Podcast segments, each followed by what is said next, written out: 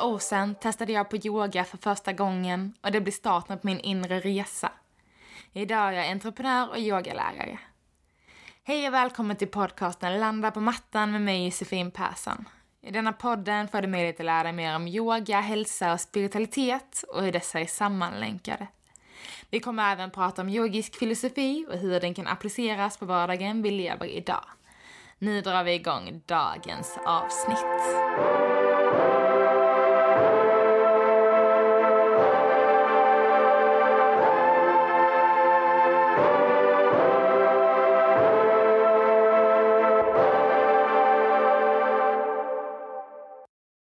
Hej på er! Återigen i veckan, nytt avsnitt av Landa på mattan. Och jag känner att um, det har varit många avsnitt. De senaste avsnitten känner jag att jag har spelat in så här måndag kväll innan de ska släppas. Och det har varit väldigt mycket som har eller som pågår just nu i mitt liv och det är liksom mycket på gång. Dels podden, jag undervisar yogan, jag har Youtube och sen har jag ett heltidsjobb på det och det är inte att jag ska sitta och säga allt jag gör här, men jag känner att det har blivit mycket så här, många sista minuterna, även fast jag verkligen älskar att sitta här och, och spela in och lära mig mer nytt själv och såklart få dela med mig av det som jag kan. Så kommer jag väl få se lite under hösten ifall jag har, ja, ifall jag kan släppa liksom varje tisdag. Jag har såklart avsikt att släppa ett avsnitt i veckan, men jag måste också få ihop mitt liv.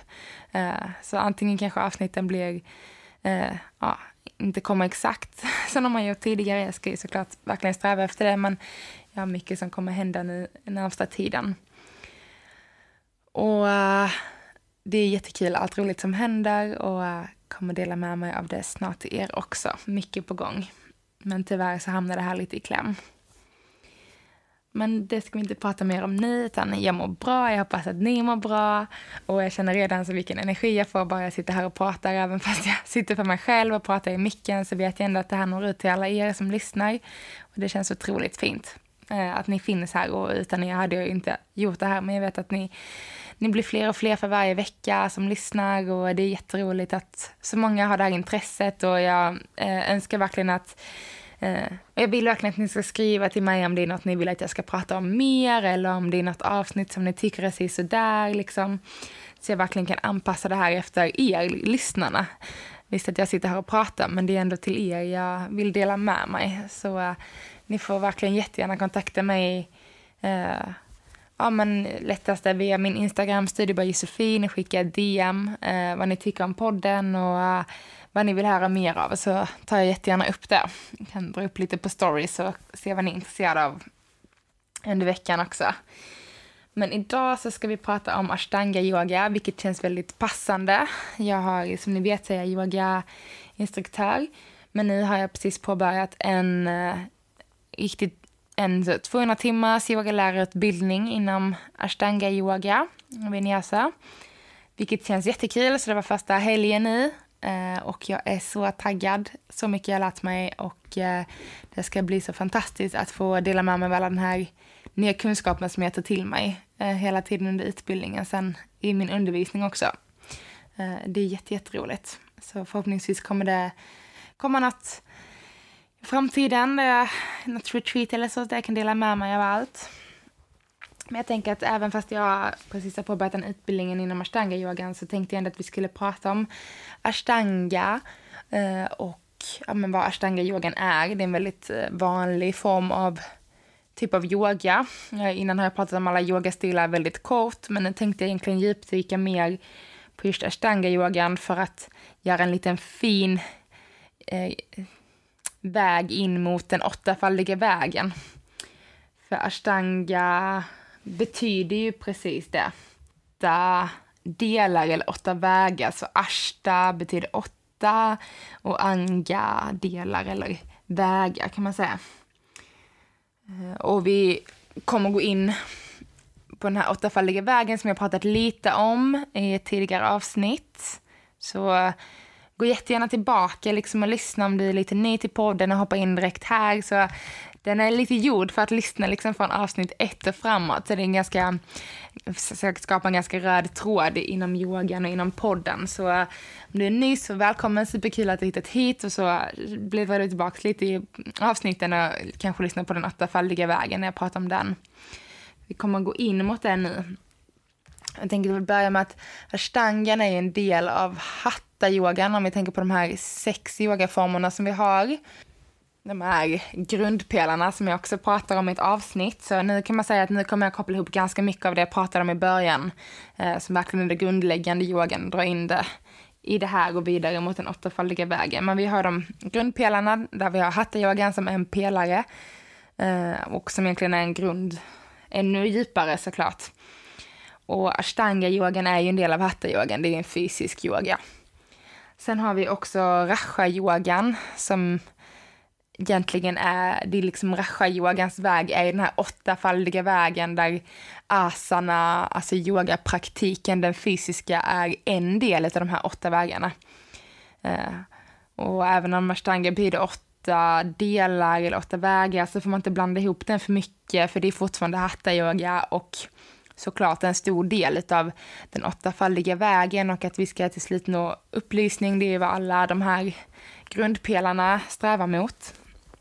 Men just eh, ashtangen är framförallt det fysiska, men vi har såklart även pranayama, andningsövningar och så i denna typen av yoga. Och ashtangen är ganska intensiv och fysisk. Den är oerhört dynamisk, eh, en väldigt dynamisk form av yoga där man gör yoga utifrån en serie. Och denna serien ser alltid likadan ut. Så uh, om man utform, utför ashtanga-yogan länge så gör man egentligen alltid samma positioner efter varandra för det är alltid samma serie och så finns det flera serier när man väl har bemästrat den första serien, rörelser då efter varandra, så går man vidare till nästa serie. Men det är eh, många som kanske bara stannar på första serien, för det är ganska mycket komplicerade rörelser. Och den är då uppbyggd, de här positionerna är uppbyggda efter varandra så att det är liksom som att jag ska inte säga avancerad nivå uppåt, men det är som att de bygger upp och stärker varandra en efter en och har ett väldigt naturligt flöde så som de är uppbyggda. Och man vet inte riktigt hur gammal ashtanga-yogan är, det är lite oklart. Men man säger ändå att det är Patabi Joyce som är grundaren av ashtanga-yogan.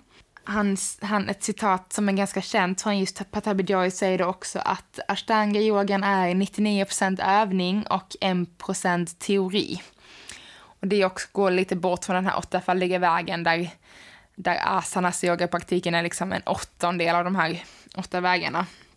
Medan ashtanga-yogan är liksom väldigt, ja men det är fysisk och det är praktik och eh, såklart en del teorier, såklart en del eh, andningsövningar men ändå så, det är liksom yogan vi fokuserar på.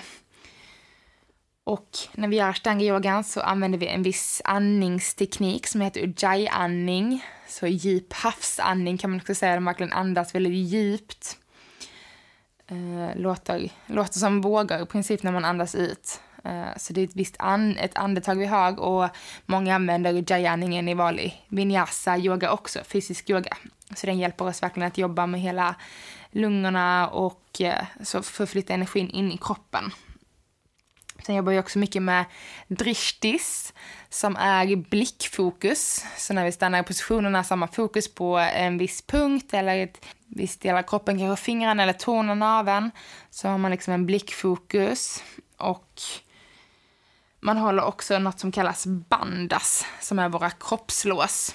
Jag kommer att ha ett avsnitt om bandas, men troligtvis mycket längre fram, för nu kommer vi behandla hela den här åttafaldiga vägen i ganska många veckor. Hoppas ni tycker det känns intressant. Eh, men bandas är då kroppslås där vi liksom använder våra inre lås för att då lyfta upp den här kundalini-energin så att den till slut ska få flöda genom våra nadis och huvudnadis hela vägen upp till genom chakrasystemet och till vårt sjunde chakra för att nå den här upplysningen, samadhi, som vi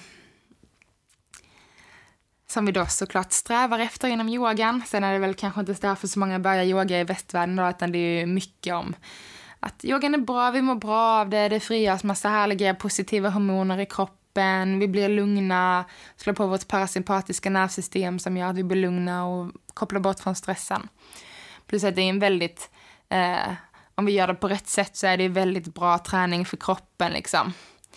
Men eh, det finns också många sätt att göra det fel på om man inte använder kroppen. Och det kan man säga att ashtanga-yogan är ganska känd för att många skadar sig inom ashtangan. Just för att um, den utvecklades ju då i Indien och det var många så, alltså tonåringar, pojkar i tonåren som utförde ashtanga-yoga.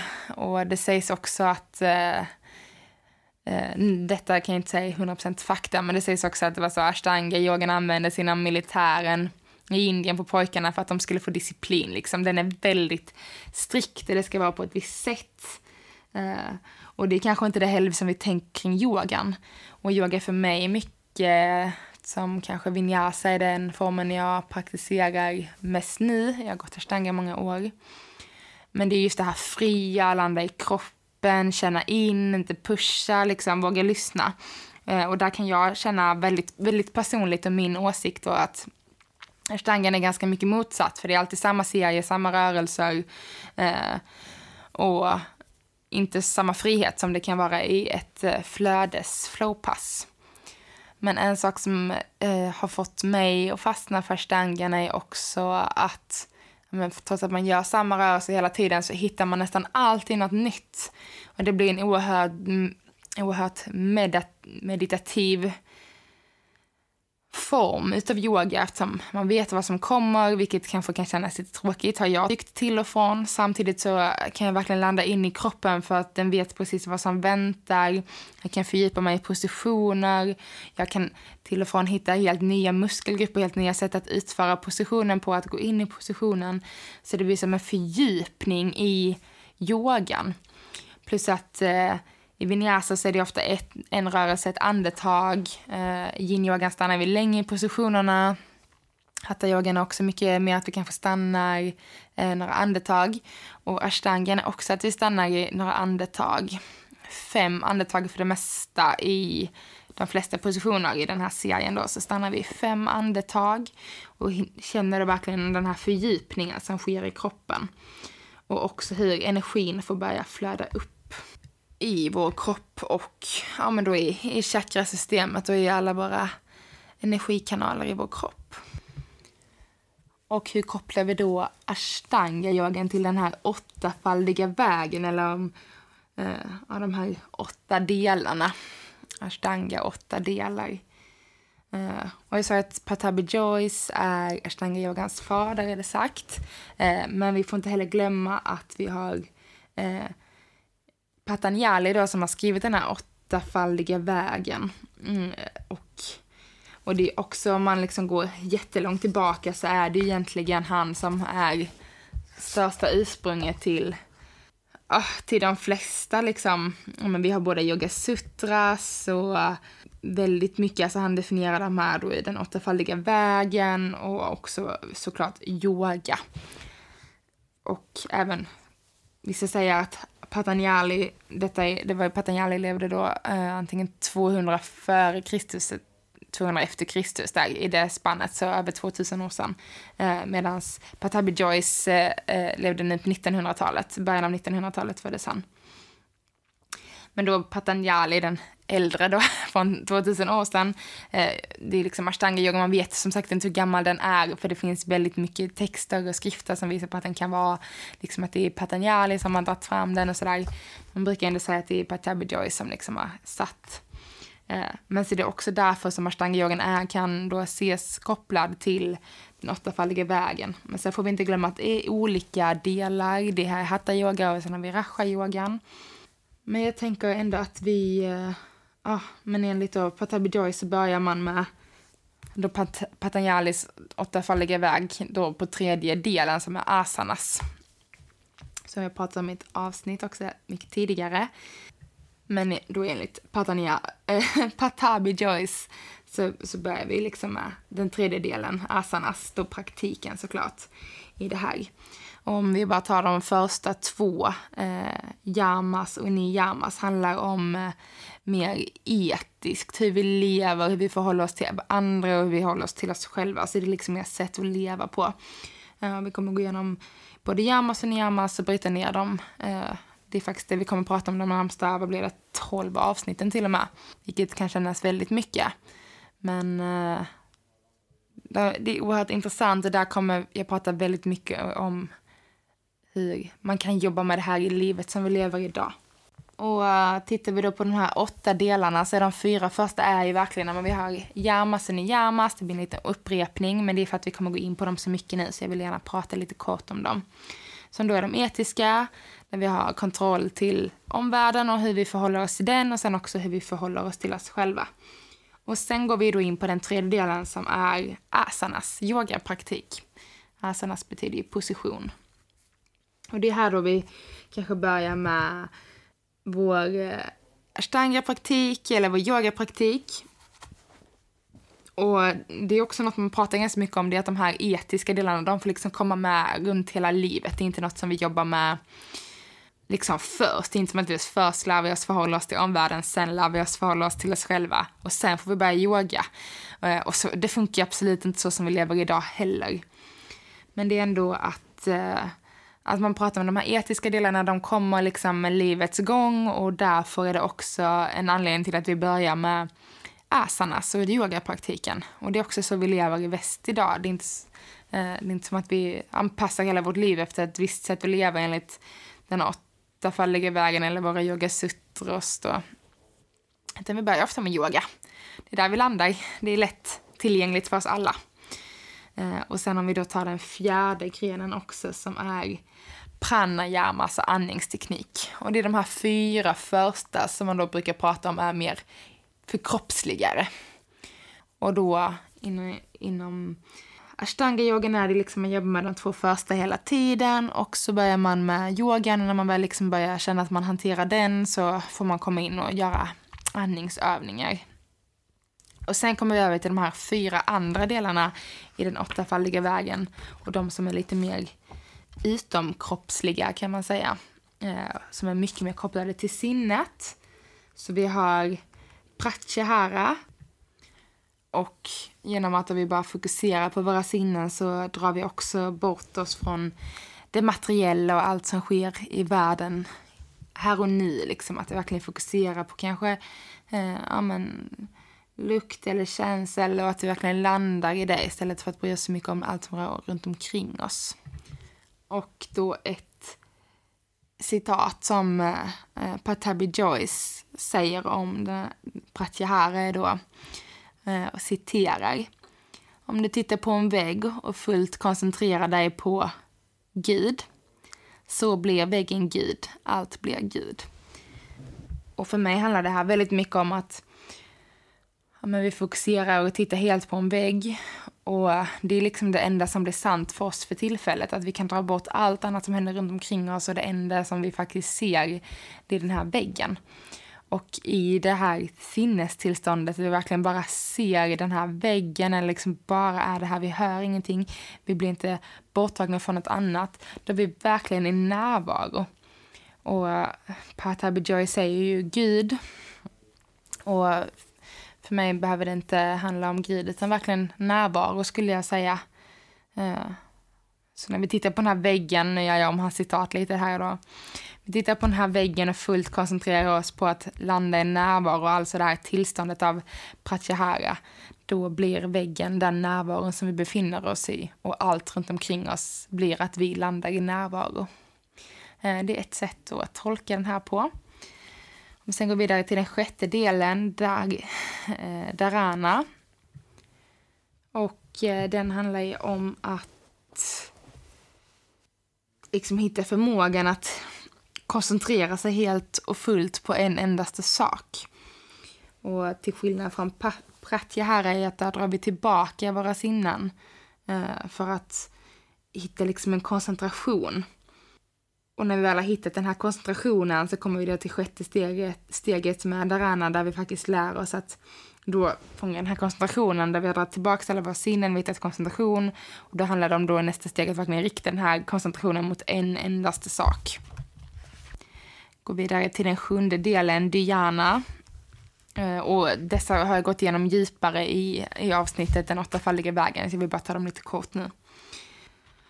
Och Diana är princip meditation. Så när vi väl liksom, vi har eh, dragit tillbaka våra sinnen och sen hittar vi vår koncentration och kan eh, skicka all den här koncentrationen på ett föremål. Och när vi väl då lyckas med det här, det är då vi faktiskt mediterar eh, på riktigt. Och det är inte, alltså meditation är inte så för oss idag. Och jag tycker inte det är något vi ska sträva efter om jag ska vara ärlig. Sen är det såklart, vill man gå den här vägen helt och hållet så ska man göra det. Men, men bara att meditation behöver kanske inte vara så himla strikt utan det kanske bara kan få vara att tillåta sig själv att stanna upp, låta alla de här tankarna få snurra runt och sen landa i det. Men enligt Diana, Diana så är det verkligen att eh, att landa helt i den här koncentrationen där vi kan se, där vi liksom kan se tankemönster och känslor och förväntningar eh, men att vi helt enkelt bara kan liksom, vi ser det framför oss och bara bortser från det i princip. Det är så inget som påverkar oss eh, under det här stadiet av meditation som vi då landar i. Så det är som att vi ser allting men väljer att inte se det jag skulle säga ett oerhört svårt tillstånd. Och när vi då har kommit så pass långt att vi kan se allting och se att vi inte måste se det, det är då vi uppnår eh, åttonde steget, samadhi, upplysning, eh, inre frid, ja, hög spiritualitet, vad vi nu vill kalla det. Eh, och här har vi då de åtta delarna och det är väl också lite kopplat liksom ändå till eh, för att knyta upp säcken till ashtanga-yogan och ashtangan, att vi börjar med asanas, vi jobbar med pranayaman och vi förhåller oss till, under livet till de här etiska yamas och niyamas. Ehm, sen när vi liksom börjar komma längre och längre i det här, det är då vi kan bjuda in de här andra delarna. Och det är en sak jag verkligen har märkt när jag har utfört ashtangan är ju att man verkligen kan landa in i ett sjukt meditativt stadie i de här rörelserna. Och det kan man göra i vilken yoga som helst, eh, vilken yogaform som helst. Men eh, eh, nu vet jag inte om det säger mer om mig än någon annan kanske, men ibland kan jag ha gjort ett helt ashtanga-pass på en och en halv timme och knappt märkt vad jag har gjort för att jag inte heller tänkt på något annat utan det har liksom bara skett. Det är som att jag liksom har nästan landat i trans och bara utför det. Och det kan ju låta lite läskigt kanske. Eh, och det är liksom inte alls så, utan det kan ju vara verkligen så att kroppen vet precis vad den ska göra, att jag landar liksom in i en, någon slags eh, ja men så har jag alltid gjort och så gör jag så. Eh, men också den känslan jag har haft när jag har haft den typen av yogapraktik som inte har varit varje gång då utan någon gång ibland och sen landar i shavasana, den här vilopositionen efteråt har ju gett en otrolig, det har varit så kraftfullt. Och det är väl lite därför jag har fastnat så mycket för stangan till och från. Liksom. Jag tycker om att leka i yogapositioner och dansa och röra mig fritt. Eh, samtidigt så hittar jag en helt annan, eh, ett helt annat djup i stangan. Just för att jag vet vad som händer, vad kroppen ska förvänta sig. Jag kan fördjupa, fördjupa, fördjupa och sen bara landa. Och om du inte testat ashtanga så skulle jag väl verkligen tipsa om att göra det. Eh, om du då är intresserad av den här typen, det är väldigt fysiskt fysisk krävande yoga men man gör det helt på sitt sätt i sin takt. Eh, och det finns väldigt många väldigt duktiga ashtanga-lärare runt om i Sverige. Och väldigt mycket mer i Indien. Men, men mitt tips är väl kanske hitta någon som inte är så 100% traditionell där man ska göra vissa positioner på ett visst sätt utan hitta någon som faktiskt eh, förstår sig på att kroppen har sina begränsningar och att vi behöver liksom få anpassa och lyssna på exakt vad som funkar för oss. Mm ja, nästa vecka kommer vi fortsätta liksom på det här och äh, ganska många veckor till. Jag vill verkligen beta av den här åttafaldiga vägen och prata om hur vi kan jobba med den i livet. Hur vi liksom kan hitta de här etiska förhållningssätten och hur vi kan jobba med koncentration. Och inte bara i meditation utan i jobbet, i vardagen, när vi lyssnar på musik, lagar mat, allt det här. Så det vill jag jättegärna filosofera kring och dela med mina tankar av. Så det kommer mer av det. Och eh, som sagt, eh, ni får jättegärna höra av er till mig om ni känner att jag vill inte höra något om det här, prata om det här istället. Så verkligen, eh, skriv till mig på min Instagram, eller min eh, Facebook-sida Studio by Josefin. Och eh, där når ni mig och eh, ja, ge gärna input. Följ podden, kommentera, tipsa andra så den kan växa. Jag tycker verkligen det här är jättekul. Och eh, så hörs vi nästa vecka när vi ska prata om då Yamas. Och eh, så börjar vi därifrån. Och eh, ha en riktigt fin vecka och ta hand om dig så hörs vi igen nästa vecka. Och ja, puss och kram!